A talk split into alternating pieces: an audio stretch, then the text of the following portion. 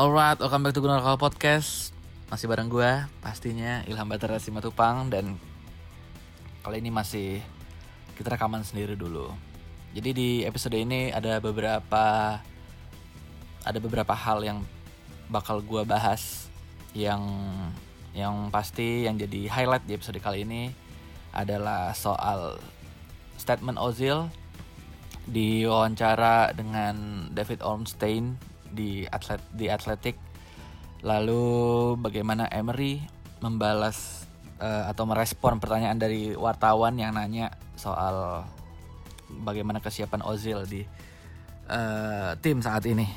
Oke sebelum kita masuk ke situ gue mau uh, kita bahas dulu yang ini ya ya. Yang ya yang yang ringan-ringan dulu aja. Jadi kemarin uh, gue bikin 10 eh 11 pemain terbaik Arsenal di dekade ini di Twitter, Twitter Gunnar Lokal. Jadi susunannya itu ada uh, Chesney di kiper, back kirinya Monreal, back tengahnya Vermaelen, Koscielny, back kanannya Bakarisanya. Terus di gelandang gue pakai tiga gelandang, Ramsey, Cazorla, dan Ozil dan tiga penyerang tiga penyerangnya di kiri Alexis tengahnya Oba kanannya Walcott. Dan banyak banget ternyata yang uh, gak setuju. Jadi ya sosok lah ada 50% apa enggak 50% juga sih. Kebanyakan yang gak setuju memang. Nah emang gue bilang kan di Twitter itu ini adalah pilihan yang sulit ya kan? Karena milih pemain terbaik Arsenal di 10 tahun terakhir itu emang rada-rada susah. Karena pertama banyak banget di 10 tahun terakhir ini yang mainnya bagus. Cuman dia cuman main 2 3 musim doang gitu. Kalau pilihannya di apa ya di tim kayak Barcelona, Real Madrid itu mudah banget kan karena emang hampir semua pemain yang masih ada saat ini itu mainnya itu udah lebih dari 4 sampai 5 tahun bahkan. Nah, kalau Arsenal ini kan yang paling lama siapa paling lama kan Ozil doang sekarang Ozil dari 2013 sekarang udah enam tahun. Sisanya tuh paling 3-4 tahun doang. Jadi yang pertama itu sulitnya. Yang kedua kayak ini. Ada beberapa pemain yang emang outstanding di satu musim atau dua musim doang gitu. Nah makanya ada juga yang bahkan uh, konsisten tapi sebenarnya dia uh, statistiknya nggak terlalu bagus. Ya, contohnya kalau gue bilang kayak yang Montreal lah. Dan dia kan, kan konsisten tapi kan sebenarnya nggak outstanding outstanding banget. Cuman kalau dibandingin sama back back kiri lainnya selama 10 tahun terakhir ini ya Montreal yang paling oke okay, gitu kan. Biasanya dia ngasih FA Cup Community Shield terus juga ya bandingin sama yang 10 tahun terakhir kan sempat ada Gael Slici sempat ada Kieran Gibbs Sinak juga ya. Montreal yang paling masuk akal sih untuk masuk gitu. Itu satu. Terus juga uh, kayak Fabregas. Fabregas kan sebenarnya musim 2000 sampai kan kalau 10 tahun kan berarti hitungannya 2009 kan. Kan kalau Fabregas kan cabut 2011. Sebenarnya kan masih masuk hitungan 2 tahun, 2 musim gitu kan. Gue tuh gue tuh uh, agak sulitnya di situ ini masukin gak ya Fabregasnya ya. Padahal kan ada Cazorla dan Ramsey juga yang sebenarnya selama main di Arsenal oke okay, gitu. Nah, uh, terus juga ada yang nanya kenapa Van Persie nggak masuk, kenapa Van Persie nggak ada. Nah, kalau kalian kalau kalian tahu atau kalau kalian emang udah ngikutin ya waktu Van Persie jadi top score tahun musim 2011 2012 itu kan udah weh di situ aja dia bagus kan di musim-musim sebelumnya kan sebenarnya biasa-biasa aja nggak nggak terlalu nggak terlalu mencolok juga permainan dia.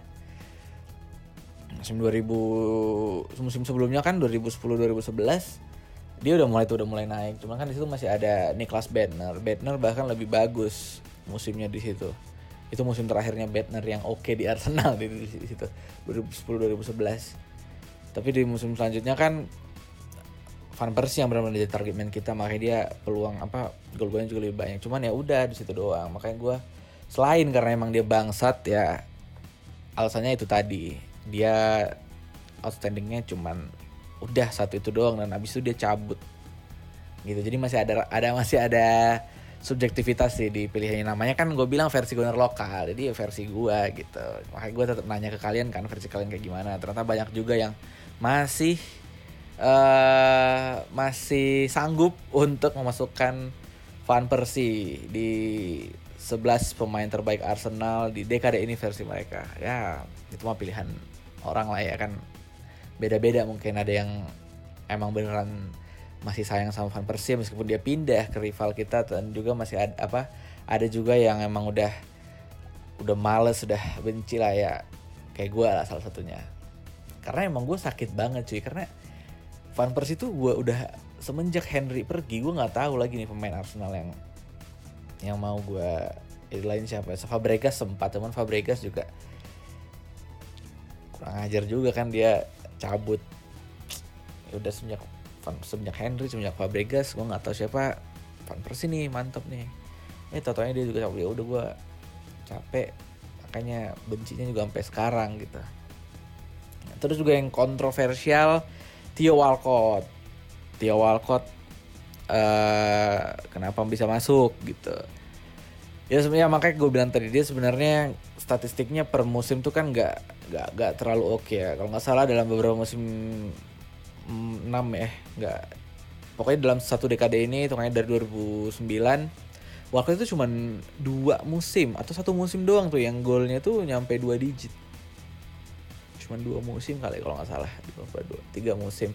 Cuma sedikit lah nggak full nggak full banyak gitu nggak full di tiga atau empat musim. Cuman beberapa musim doang statistiknya. Oke cuman ya di era 2010 sampai sekarang tuh kan kalian gak akan pernah nemuin starting lineup Arsenal sebelum dia cabut ya sebelum Walcott cabut Gak ada nama Walcott di sayap kanan kita. Gak pernah, pasti ada. Mau dia main dari awal, mau dia di cadangan, dia pasti selalu jadi pilihan karena emang ya emang dia back apa sayap kanan kita yang oke okay selama ini. Siapa coba sayap kanan Arsenal? Ya ada kan? Walcott. Um, Walcott terus iya bener gak ada lagi habis Walcott aja Mkhitaryan disuruh ke kanan. Makanya gue juga masukin dia karena gue mau masukin siapa lagi? Aubameyang udah Alexis masuk. Ya pilihannya cuma Walcott gitu. Terus juga yang sebenarnya yang gue agak luput sih back sih. Jadi gue habis baca beberapa beberapa pilihan dari followers banyak yang masukin Mertesacker. Nah Mertesacker ternyata bagus juga ya apalagi musim 2016 2017 ya. 2016 2017 itu dia jadi pilihan utama. Waktu itu si Vermaelen juga udah udah udah cabut ke Barcelona. Tapi gue tetap nggak bisa ngelupain gimana leadershipnya Vermaelen apa partnership dan leadershipnya Vermaelen dengan Koscielny sih. Itu salah satu duet back yang menurut gue paling memorable di Arsenal meskipun cuma tiga musim kalau nggak salah mereka bareng. Makanya gue tetap masukin si Vermaelen di 10 uh, 11 pemain terbaik Arsenal di satu dekade terakhir. Untuk kiper kiper ya lu mau siapa lu masukin? Peter Cech Peter Cech aduh. Oke lah dia dari segi segi apa ya manajemen apa iya manajemen tim bagaimana persona dia yang dituakannya jadi abang-abangan di di ruang ganti. Oke okay, karena banyak pemain yang emang muji bagaimana sikap si Peter Cech kan terutama pemain yang emang nggak bisa bahasa bahasa Inggris. Dia kan sering banget tuh dibilang mengayomi banget tapi untuk segi permainan Ceh gue bilang gak se outstanding Chesney sih. Meskipun Chesney nggak ngasih kita uh, gelar apa pun ya. Ya mungkin FA Cup 2014 tapi kan itu kan Fabianski yang jadi ini yang jadi kiper. Hmm, hmm. Kiper, back, gelandang, gelandang, gelandang. Ya gelandang banyak yang nanya kenapa nggak ada DMF, kenapa nggak ada defensive midfielder? Karena gue mau masukin siapa? Kokwelin. Kalau mau di head to head juga Kokwelin dengan Ramsey dengan Cazorla ya masih oke Ramsey dan Cazorla karena kan hitungannya ini sebelum pemain terbaik ya lu nggak harus patokannya nggak harus ada defensif atau apa juga yang enggak yang penting dia gelandang dan menurut gue di 10 tahun terakhir ini ya tiga nama ini tiga gelandang ini yang penampilannya memorable outstanding dan emang nggak ada yang kelasnya nggak ada yang di bawah apa di atasnya mereka bertiga ini Cazorla, Ramsey dan Mesut Ozil.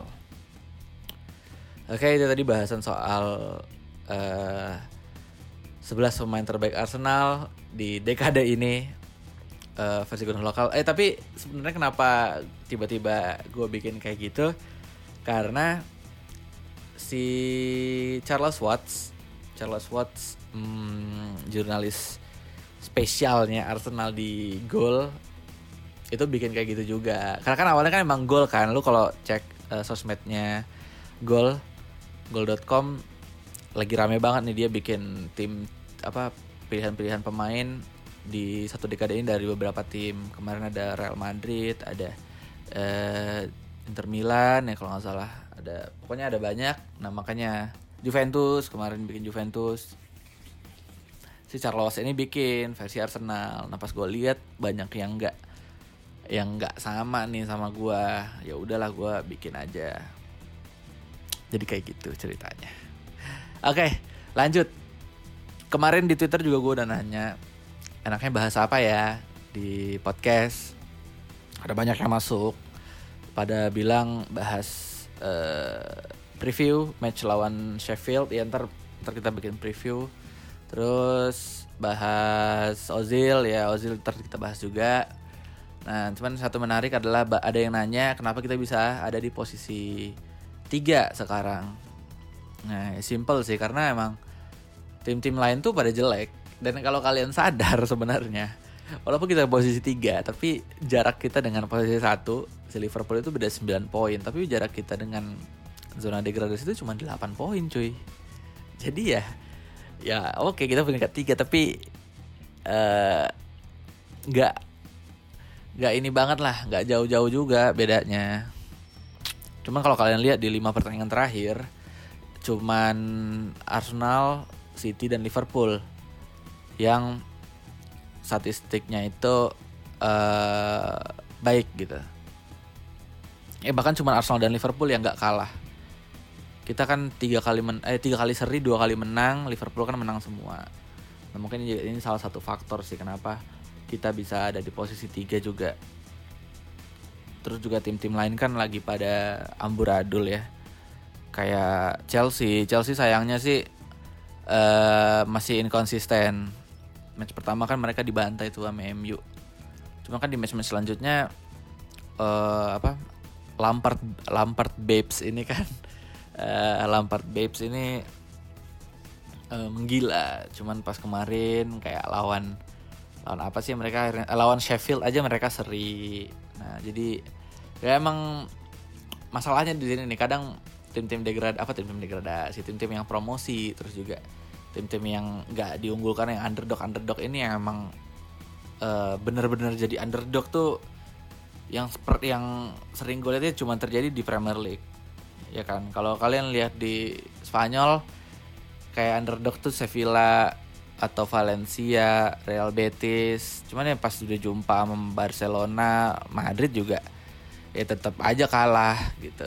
Atau kayak di Italia, underdog-underdognya kayak Fiorentina, kayak Sassuolo atau AS Roma. AS Roma dibilang underdog ya. Ya maksudnya udah ketemu sama Juventus sama Napoli ya. Tetap aja hancur gitu. Nah cuma kalau di Inggris kan kita benar-benar nggak bisa ya. Bangengin aja Norwich City aja bisa ngalahin Manchester City cuy. Nah jadi kadang tim-tim apa tim-tim di Premier League ini yang emang uh, apa ya? Jadi sama-sama sama-sama inkonsisten juga cuman inkonsistennya itu yang ngejutin gitu loh. Gue nggak bisa bilang kalau kita selain City dan Liverpool gue nggak bisa bilang kalau saingan itu cuma ada Spurs MU atau Chelsea ya. Karena kalau ngelihat uh, table aja sekarang posisi 4 tuh Leicester. Terus juga di, uh, ada West Ham juga ada West Ham. Jadi um, eh West Ham kok West Ham sih? West Ham lagi hancur sekarang. Pokoknya ada Leicester dan tim-tim yang lain gitu. Jadi kalau kita cuman apa kalau kita bilang yang bisa jadi saingan kita untuk rebutin posisi 3 dan 4 ya. Karena ini posnya Champions League cuman si Spurs, MU dan Chelsea ya. Kita gue bilang sih naif banget. Karena emang tim-tim lain tuh kalau dilihat sampai pekan ke-8 sekarang ini punya peluang yang hampir sama ya. Bayangin aja tadi kan gue bilang beda kita beda poin kita peringkat 3 ini dengan peringkat uh, zona degradasi aja cuma beda 8 poin cuy. Lebih kecil daripada uh, beda kita dengan Liverpool. Kita dengan Liverpool itu bedanya 9 poin. Nah, jadi kayak gitu. Uh, dan mungkin gue bilang ini juga nggak uh, bakal bertahan lama untuk Arsenal sih. Kita gue kalau ngelihat jadwal ya, kalau ngelihat jadwal kita nggak ada lawan berat. Ya paling Wolves doang sama Leicester. Cuma sisanya kita harusnya tim-tim ini bisa kita kalahin lah ya selama Emery nggak nggak ngaco terus juga nggak bikin uh, apa baik-baik kita nggak bikin blunder lagi ya harusnya ti harusnya sih tim-tim ini kita bisa kalahin ya start dari match lawan Sheffield Selasa nanti dan dan peluang untuk tetap ada di empat besar ya minimal tuh ya gede banget sih gue bilang karena uh, kita juga kita kalau gue lihat juga kita satu-satunya tim Big Six yang udah lawan tiga tiga tim Big Six juga di musim ini. Kita udah ngelawan Liverpool, udah lawan Spurs, udah lawan MU. Dan hasilnya kita dapat dua poin. dua dari sembilan poin yang ada ya. Which is good lah ya. Ya maksudnya dengan kondisi tim yang kayak gini. Ya tapi, tapi yang sayang banget tuh waktu MU sih. Waktu MU harusnya kita bisa menang. Cuman ini uh, jadi keuntungan karena kita udah lawan tiga tim Big Six di paruh musim pertama dan uh, kita ada di peringkat tiga sekarang sisanya kan lawan Chelsea sama lawan City ya lawan Chelsea gue masih bisa inilah masih bisa yakin lah bisa menang cuma lawan City ya udahlah maka ini di kalau nggak salah ada tujuh apa enam pertandingan ke depan ini kita selalu lawan tim yang masih kelasnya tuh masih ada di bawah kita jadi gue gue bilang tadi peluang untuk tetap ada di peringkat uh, di dalam empat besar sampai bulan Desember nanti masih masih besar. Oke, okay, itu tadi uh, kenapa kita ada di posisi tiga ya. Tiba-tiba tiga gitu anjing. Gokil juga rhyme tiba-tiba tiga. Ya karena itu tadi. Jadi bukan hanya karena uh, faktor Arsenalnya tapi juga faktor tim lain juga. Karena Arsenalnya juga aduh. Kita juga sendiri kan nggak lagi nggak nggak nggak bener juga ya kan menang apa menang cuma dua kali di lima pertandingan terakhir sisanya seri dan ya ya kalian tahu lah menangnya kayak gimana kita mainnya jelek bukan Arsenal banget lah gitu. Ya kan kayak kata Emery eh kalau kata Emery kalau kata Wenger ya dari kutipan dia gue gua gua gua ngasumsiin dia sebenarnya mau bilang kalau Arsenal yang sekarang itu main bukan dengan cara yang gue sukai. Makanya kan di uh, wawancaranya dia waktu dia dapat award itu dia bilangnya gue nggak apa-apa kalau misalnya Emery memainkan sepak bola seperti ini meskipun uh, eh, gue bisa nonton pertandingan apa meskipun gue uh, lebih suka Arsenal memainkan sepak bola dengan uh, atraktif football gitu. Nah berarti kan Arsenal Emery nggak mainin atraktif football kalau bisa kita simpulin dari perkataannya Wenger. Oke, okay, Uh, Oke, okay, tadi bahasan soal kenapa Arsenal bisa ada di peringkat ketiga. Nah, ini kita langsung bahas aja soal Mesut Ozil. Jadi kemarin uh, Mesut Ozil bikin apa ya? Ada artikel dari The Athletic David Ornstein yang menjadi ininya penulisnya dia dia ngawancarain Ozil dan mostly pertanyaannya tentang gimana sih dia musim ini gimana dia ngerespon kan banyak banget ya kasus-kasus Ozil mulai dari dia diserang terus juga clashnya dengan Emery sampai uh, sampai akhirnya Emery cuma ngasih dia berapa pertandingan doang ini adalah perang nih antara Ozil dengan Emery. Nah, Ozil kan di wawancaranya bilang kalau dia bakal dia akan terus bertahan sampai musim 2021 ya which is sampai kontraknya selesai dan dia respect dengan kontraknya itu.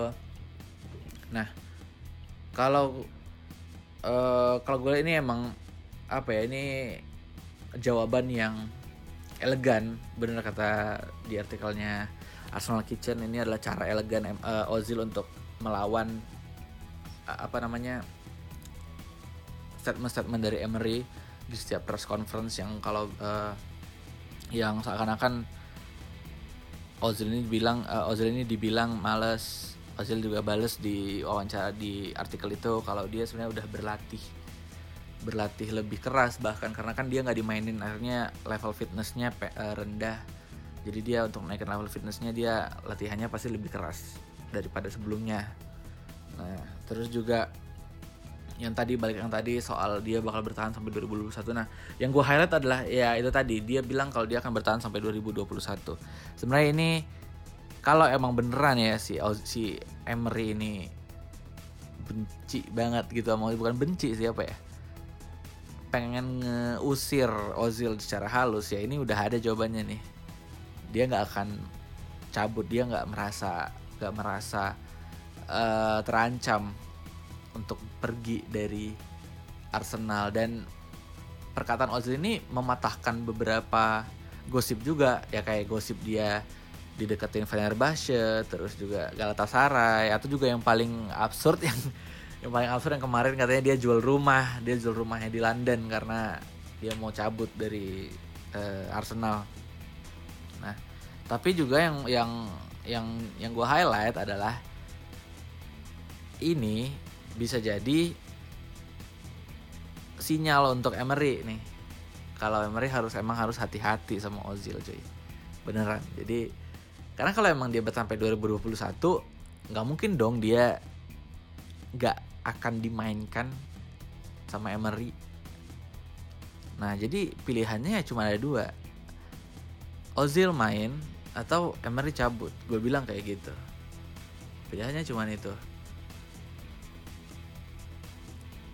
ini kalau mau kita lihat apa namanya kalau mau lihat secara lebih dalam ya ini kan emang dua dua ini dua orang ini nih Ozil sama Emery ini kan emang kayak lagi ada di ada di apa ya ada di sebuah pertandingan lah nah mungkin selama ini dari awal tuh dari awal musim Emery terus nih yang nyerang cuman dia sekali-kali ngasih Ozil kesempatannya itu dia dia ngasih uh, dia ngasih Ozil main waktu lawan Nottingham Forest sama Watford. Nah, dia ngasih kesempatan Ozil untuk show off. Cuman ya dia serang lagi, dia serang balik dengan uh, statement dia soal Emery yang eh apa? Ya, Ozil yang kayak gimana kayak gimana sampai-sampai dia kan minta bantuan ya dan dalam dalam tanda kutip minta bantuan dengan uh, Permata Soccer yang juga bilang Ozil ini uh, kurang kurang fit atau kurang semangat lah gitu waktu latihan terus juga dibantu juga dengan statementnya Raul Sanlehi yang bilang kalau emang Ozil apa Ozil emang nggak deserve untuk main ya. Itu emang pilihannya pelatih berarti dia kan emang bener nggak deserve untuk main. Nah, tapi Ozil di sini out of nowhere tiba-tiba dia bikin counter attack. Dia bikin counter attack dan gue bilang artikel itu adalah counter attack yang manis banget. Manis banget. Manis banget gimana dia apa ya jawaban jawaban dia tuh benar-benar emang jawaban yang bikin kita nih fans fans Arsenal nih simpatik. Ya nggak? Kalau lihat bagaimana dia bilang kalau uh, dia tuh udah latihannya tuh sebenarnya udah keras banget. Cuman karena emang dia nggak dimainin akhirnya dia harus uh, level fitnessnya emang sedikit berkurang. Cuman uh, porsi latihannya dia banyakin di gym buat apa ya? Buat level fitnessnya biar naik terus nih. Walaupun dia nggak dimainin sama Emery. Terus juga bagaimana dia bilang dia akan tetap bertahan sampai 2021 dan bagaimana dia akan terus berjuang. Di akhir artikel kalau kalian baca dia bilang yang gue tweet juga yang di Gona Lokal tweet juga dia akan terus berjuang sampai akhirnya dia bisa sampai top form dan main reguler lagi. Main sepak bola secara reguler lagi. Nah ini counter attack-nya manis banget sih gue bilang. Nah serangan ini kenanya ke Emery. Yang pertama tadi itu gue bilang dia Emery ini adalah sinyal kalau Emery ini hati harus hati-hati. Karena yang pertama Ozil ini kan yang gajinya paling gede beban gajinya paling gede. Manajemen juga nggak mau lah uh, pemain yang gajinya paling gede terus ad, selalu ada di bangku cadangan gitu. Nah dengan statement kayak gini kan dengan yang Ozil bilang dia masih respect dengan kontrak dia di Arsenal sampai 2021 Emery mau nggak mau emang harus menyampingkan egonya buat nggak mainin si Ozil. Karena kan emang pas Ozil main kan Arsenal mainnya bagus banget. Fluiditasnya bagus meskipun dia nggak nggak ngasih asis ya. Tapi impact dia ke tim karena kan kalau kita cuman lihat statistik ya cuman lihat asis gol asis gol asis gol ya nggak akan ada habis-habisnya gitu.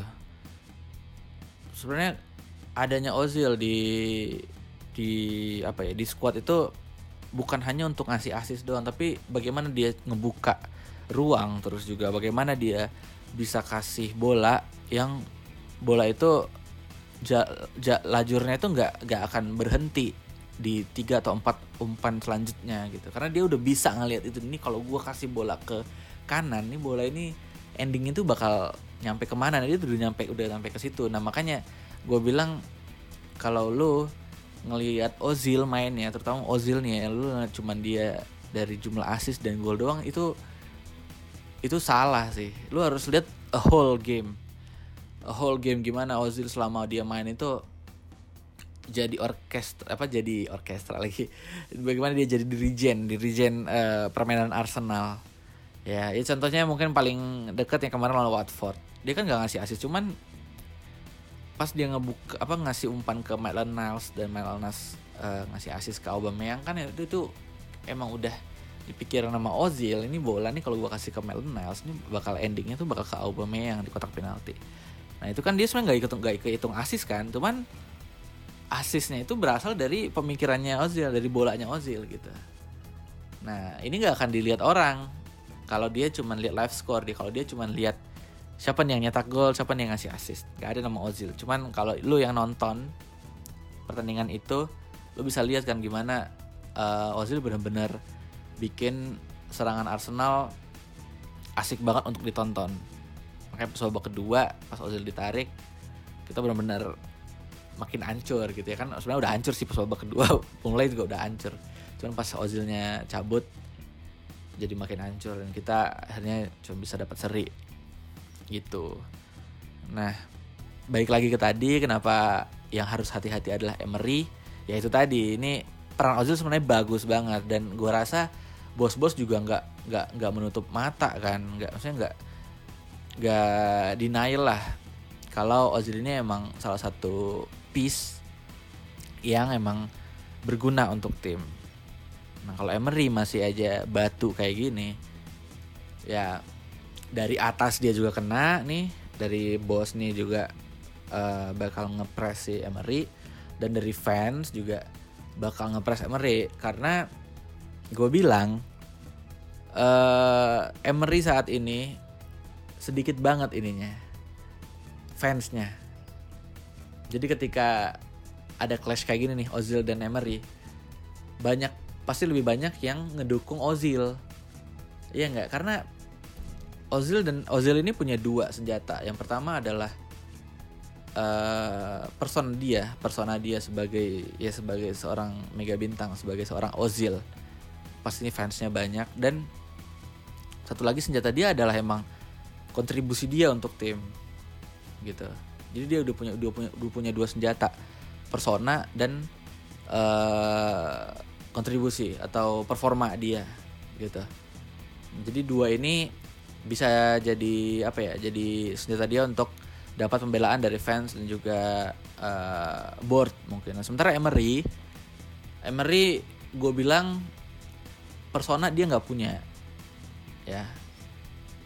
Dia personanya nggak punya. Jadi sekali dia di di apa namanya diadu sama persona Ozil ya persona Ozil bahkan lebih bakal menang gitu. Terus juga kalau untuk masalah performa ini mungkin uh, Emery punya modal tapi nggak sebesar modalnya si Ozil makanya gue bilang kalau emang perang ini akan terus berlanjut gue bilang yang bakal kalah Emery kalau emang dia nggak hati-hati dan nggak mau menyampingkan egonya yang bakal kalah Emery karena ini kan sebenarnya pernah terjadi sebenarnya perang-perang kayak gini. Ya yang pertama mungkin dari Emery sendiri. Emery uh, uh, nggak nggak jangan jangan dari Emery. Kalau mau disamain kayak waktu uh, Wenger out. Wenger out. Waktu itu kan Wenger out itu ada dua kubu kan. Ada yang percaya siapa ada yang percaya sama Emery ada yang percaya sama Wenger ada yang enggak.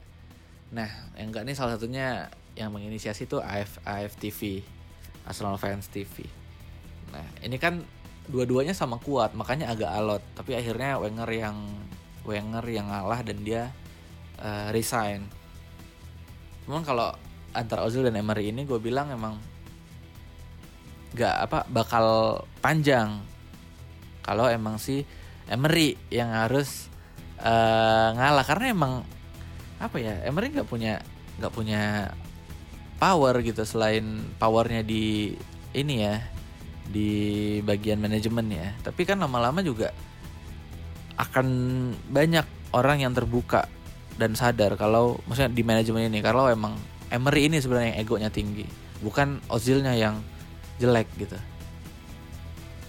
Lama-lama kan orang juga ngerti, maksudnya orang juga lihat kan permainan Arsenal ini kayak gimana, terus juga bagaimana desakan-desakan dari uh, legend-legend ya enggak kan udah mulai banyak nih legend yang bilang kalau Arsenal uh, mainnya nggak atraktif banget, jelek banget, nggak ses gak, gak sama kayak permainan Arsenal yang pernah gue tonton. Nah, ini yang harus diwaspadai sama Emery.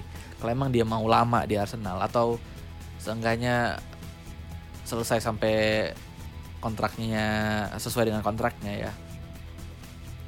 Ya udah ya lu harus kesampingin ego lu. Dan uh, reply apa dan respon dia di press conference dengan bilang Ozil sudah udah udah apa udah improve. Itu kesannya tuh kayak dia kebobolan gue bilang. Jadi Ozil counter attack Emery uh, kebobolan gitu. Dengan dari responnya itu dia di situ dia akhirnya kebobolan. Kenapa? Karena jawaban kayak gitu kan berarti dia nge ngeaminin apa yang apa ngeiyain apa yang dibilang Ozil kan di karena kan itu pas banget. Paginya masuk artikelnya rilis sore ya atau malamnya langsung press conference. Nah Ozil di situ eh, Emery di situ bila apa jawabannya tuh beda banget sama yang sebelum-sebelumnya. Dia kan bilangnya Ozil jelek apa nggak nggak nunjukin fit yang baik setiap latihan ke mana dia bilang dia ada ada improve ada improvement ini kan baru ini oh, Emery bilang kalau si Ozil ada perkembangan. Sebelum-sebelumnya kan setiap wawancara kalau lu cek emang setiap press conference tuh sering banget Ozil ditanya dan jawabannya sama terus. Cuma tiba-tiba di pertanyaan apa di press conference yang ini jawabannya baru ini nih yang dia bilang ada improve dan momennya pas banget setelah Ozil ngasih statement di artikel itu. Nah di sini kan kelihatan banget emang Emery apa uh, kalut lah. Apa nggak inilah dia nggak nggak bisa ngasih jawaban yang kayak gitu lagi gitu. Akhirnya dia bilang ya Ozil improve dan kita we will see if he if he can play against Sheffield. Nah tapi ada beberapa juga yang nyamain kasus Ozil ini dengan Ben Arfa sama Emery waktu di PSG kalau gue bilang ini sebenarnya jauh sih. Beda jauh sebenarnya kalau uh, disamain dengan kasus Ben Arfa. Karena Ben Arfa dan Emery itu sama-sama masuknya. Sama-sama. Jadi Emery masuk Ben Arfa masuk. Sama-sama diperkenalkan gitu di di apa di waktu yang sama. Bukan Ben Arfa duluan atau Emery duluan. Dan kalau kalian baca ya atau kalian ikutin emang Ben Arfanya sih yang bangsat. Mau Ben Arfanya yang ngaco gitu. Bukan Emery yang Emery yang jahat di situ. Tapi emang perlakuannya Emery ya nggak bisa di apa ya di apa serem juga sih ya. Lu bayangin sebenarnya kalau kan biar lu dapat medali medali juara di liga itu lu minimal tuh harus main berapa menit gitu. Nah si Ben Arfa ini cuma tinggal satu menit doang asli. Ini satu menit doang nih kalau dia main lagi dia berhak untuk dapat medali itu. Tapi Emery nggak ngasih main Emery nggak ngasih main si Ben Arfa sampai akhir musim. Jadi dia kayak anggaplah misalnya di Liga Prancis lu minimal harus main sekitar 100 menit buat bisa dapat medali. Nah Ben Arfa ini udah main 99 menit dan sampai akhir musim Emery nggak ngasih satu menit pun untuk Ben Arfa. Itu saking bete-nya Emery sama Ben Arfa karena emang Ben Arfa ini ngaco banget sih kalau lihat. Jadi dia pertama uh, awalnya sih gara-gara remontada gara-gara remontada yang PSG kalah sama Barca Ben Arfa bilang kalau emang pelatih ini tuh nggak nggak apa nggak akan pernah bisa sukses lah di Liga Champion. Dan itu obvious obvious banget dia ngomongnya. Di ruang ganti terus jadi di ruang ganti pernah ngejekin Emery pernah ngomongin Emery sama ngomongin si presidennya PSG terus waktu latihan ya di di di depan camp latihan di dalam mobil dia dia makan kebab. Kan parah banget gitu. Kurang ajar. Cuman emang karena karena apa ya karena banyak yang kasihan sama Ben Arfa jadi seakan-akan banyak yang bela juga. Tapi kalau kalian baca lebih dalam memang yang maksud Ben Arfa sih. Dan bedanya dengan Ozil ini juga Ben Arfa ini kan nggak terlalu perannya ya nggak nggak nggak nggak butuh-butuh banget juga di timnya. Lu nggak ada juga ya udah masih juara juga gue liga gitu. Cuma kalau di Arsenal ya Ozil ini meskipun baru dua kali main tapi kontribusinya jelas. Dan ketika dia main Arsenal mainnya oke okay banget. Nah jadi buat yang nyama-nyamain lagi dengan kasusnya Ben Arfa, gue bilang itu nggak nggak relevan sih nggak masuk. Karena emang yang satu itu pemainnya yang bangsat, sementara yang satu lagi ini yang Ozil emang ya gue nggak bisa bilang Emery bangsat juga sih. Emang apa ya nggak ada sih nggak ada yang ini nggak ada yang nggak ada yang nggak ada yang bisa disamain lah dengan kasusnya Ben Arfa udah kayak kayak gitu pokoknya jangan samain lagi lah sama kasusnya Ben Arfa. Soalnya kemarin masih banyak masih banyak yang nge-tweet tuh. Iyalah mereka kan sama kayak ini nggak bisa ngehandle si uh, Ben Arfa. Cuman kalau mau nyamain sama Neymar yang kasusnya Emery sama Neymar bisa karena emang Neymar kan dibutuhin sama tim. Cuman Emery nggak bisa ngeredam egonya Neymar di uh, apa namanya di ruang ganti. Nah hari dia sering kalah suara. Nah mungkin ini dia pengen kayak pengen balas dendam gitu di Arsenal. Ini ada satu pemain nih yang egonya tinggi yang emang dia influence-nya di ruang ganti gede. Gue nggak mau lagi kejadian kayak Neymar gue coba matiin dia jebret. Nah tiba-tiba Ozilnya uh, ngasih aksi kayak gini. Ya akhirnya Emery sekarang keteteran nah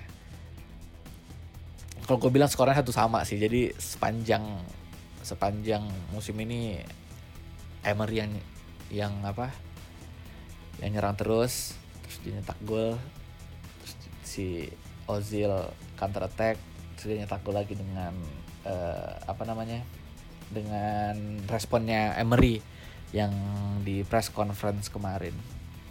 Oke okay jadi itu uh, opini gue soal kasus Ozil dan Emery ini. Pokoknya kesimpulannya ya kalau ini mau dilama-lamain gue ya gue bilang yang kalah bakal Emery yang kalah bakal Emery. Karena itu tadi Emery nggak punya senjata yang kuat untuk terus bertahan nih dengan gempuran-gempuran mulai dari media, fans terus juga mungkin board nanti suatu saat akan ngerti juga bagaimana peran Ozil ini di tim. Dan uh, Ozil punya senjata di dia punya uh, performanya dan juga persona dia sebagai pemain bintang. Uh, gitu Oke, sekian dulu episode ke 31 ini ya. Tadi kita udah bahas mulai dari tim apa 11 pemain Arsenal di dekade ini terus juga soal gimana kita bisa tiba-tiba ada di peringkat 3 dan juga soal counter attack Ozil kepada Unai Emery. Oh iya iya sorry sorry. Aduh lupa preview ya preview. Oke. Okay. Uh, preview versus Sheffield United. Um, kita main di kandang ya. Main di kandang ya coba gue cek dulu. Kita main di um, um, um, um, Arsenal. Oh enggak, kita main away. Wah, ini bahaya nih main away ini. Jadi kemarin gue habis baca, habis baca tweetnya Sunday Bad Ranger, akun apa SBR di akun ya akun Indonesia teman jago banget bahas taktiknya dia bilang kalau emang si Sheffield ini kekuatan utamanya adalah uh, center backnya overlap gitu nah kalau mau lengkap bisa silahkan langsung ke twitternya yang punya Uh, ini juga jadi salah satu alasan kenapa Sheffield Sheffield United cuman kebobolan 7 gol saat ini. Bayangin lu cuman 7 gol. Lebih banyak pertandingan daripada kebobolan. Gokil kan? Dia cuman kalah sama City dan ini. City dan Liverpool. Pokoknya antara dua itu. Pokoknya Sheffield uh, ada di top 3 tim Premier League yang paling sedikit kebobolan. Ini juga bisa jadi salah satu masalah sih buat Arsenal ya. Karena meskipun Sheffield uh, cuma men baru menang dua kali deh kalau nggak salah Arsenal kan sering kesulitan sama tim-tim yang emang uh, yang emang mau ngepres ya kan? Kayak Watford terus juga kemarin lawan Bournemouth kan babak kedua Bournemouthnya ngepres banget. Dari belakang aja dia udah ngepres tapi kan kita yang banyak bertahan emang anjing emang emang. Tapi kalau emang Arsenal berani ya. Padahal kan dulu kalau kalian ingat ya waktu zaman zamannya Wenger kayak Spurs terus juga siapa lagi ya sering yang apa tim-tim yang sering main high defense line dan Arsenal. Itu sering banget kita pesta gol. Newcastle juga dulu tuh pernah mainin high defense line. Kita ya law apa ngalahinnya kan mudah banget. Itu kita, punya Aubameyang sekarang kita punya Pepe kita punya Saka. Mungkin Lacazette juga bisa main karena dia udah sembuh ya tadi juga di latihan. Ya kita mainnya pakai umpan-umpan terobosan aja. Cuman itu tadi nggak ada orang yang bisa mainin apa mainin peran itu sebagai yang ngasih umpan-umpan panjang umpan-umpan terobosan ke striker di Emery saat ini gitu. Gue bilang makanya makanya lawan Sheffield ini nggak bisa diremehin sih. Apalagi sekarang kan zaman apa lawan-lawannya lawan-lawan tim promosi ini bahaya terus ya. Kemarin kita lawan Aston Villa hampir kalah. Terus juga Norwich City ngalahin City. Ini juga Sheffield Wednesday lawan Liverpool cuma kalah 1-0 doang. Dan itu Liverpool benar-benar kesusahan asli golnya aja harus gol ajaib begitu. Golnya Wijnaldum. Bukan maksudnya bukan gol-gol yang biasa kayak salah Firmino Mane uh, lakukan gitu ya. Cuma ini harus gol yang kayak si Wijnaldum gol jarak jauh gitu. Nah uh, kalau Auba fit terus juga PP mulai confidence-nya balik gue bilang menang sih obvious ya. Masih ada peluang lah kita untuk menang. Tapi jangan berharap gede dulu sih. Itu tadi gue bilang karena lawan tim promosi kayak gini agak berat juga. Jadi kalau sekalinya kita berharap gede kayak lawan lawan Aston Villa kita, gue itu asli gue mikirnya anjing lawan Aston Villa di kandang lagi. Ini menang 5-0 paling gue bilang gitu kan. Taunya dibikin jantungan dulu baru bisa menang jadi lawan Sheffield Wednesday ini eh Sheffield Wednesday kok Sheffield Wednesday mulu sih? Sheffield United ini gue bilang laga yang terlihat mudah tapi sebenarnya cukup berat. Gitu. Ya mungkin kita bisa menang. Prediksi gue kita menang satu kosong atau dua satu lah. Kayaknya satu kosong sih. Ya kan biar clean sheet dua kali berturut-turut untuk pertama kalinya semenjak dipegang sama Emery. Oke okay, itu dulu episode ke 31 ini. Thank you untuk, untuk udah yang eh, apa thank you buat yang udah dengerin. Eh, nanti kita juga bakal ntar di twitter juga gue bakal tanya lagi kita sebenarnya bahas apa. Karena emang gue pengen banget bikin satu episode yang sifatnya itu timeless ya. Jadi mau didengerin kapan pun masuk. Cuman gue masih mikir apa ya kontennya apa ya yang dari soal Arsenal ini yang bisa dibikin timeless. Ya mungkin te- teman-teman followers Gunner lokal pendengar Gunner lokal ada yang punya ide bisa DM gue atau mention aja di Twitter atau di Instagram juga boleh. Oke jadi jangan lupa nih kalau udah dengerin di share mau di share di Twitter share di story Instagram jangan lupa tag gue ntar gue repost juga. Dan jangan lupa kasih tahu teman-teman kalian yang Gunners juga yang ingin dicerahkan dengan media yang berbeda yoi karena kan mungkin di bagian tulisan udah banyak banget ya penulis spesial Arsenal terutama chef Arsenal Kitchen terus juga di medium podcast kan baru Gunner lokal nih. Saya sebenarnya ada sih podcast-podcast Arsenal lain, cuman kan podcast-podcastnya masih ya jauh lah kelasnya. Oke, gue Ilham Batar Simatupang pamit. Thank you udah dengerin episode ini. Bye bye.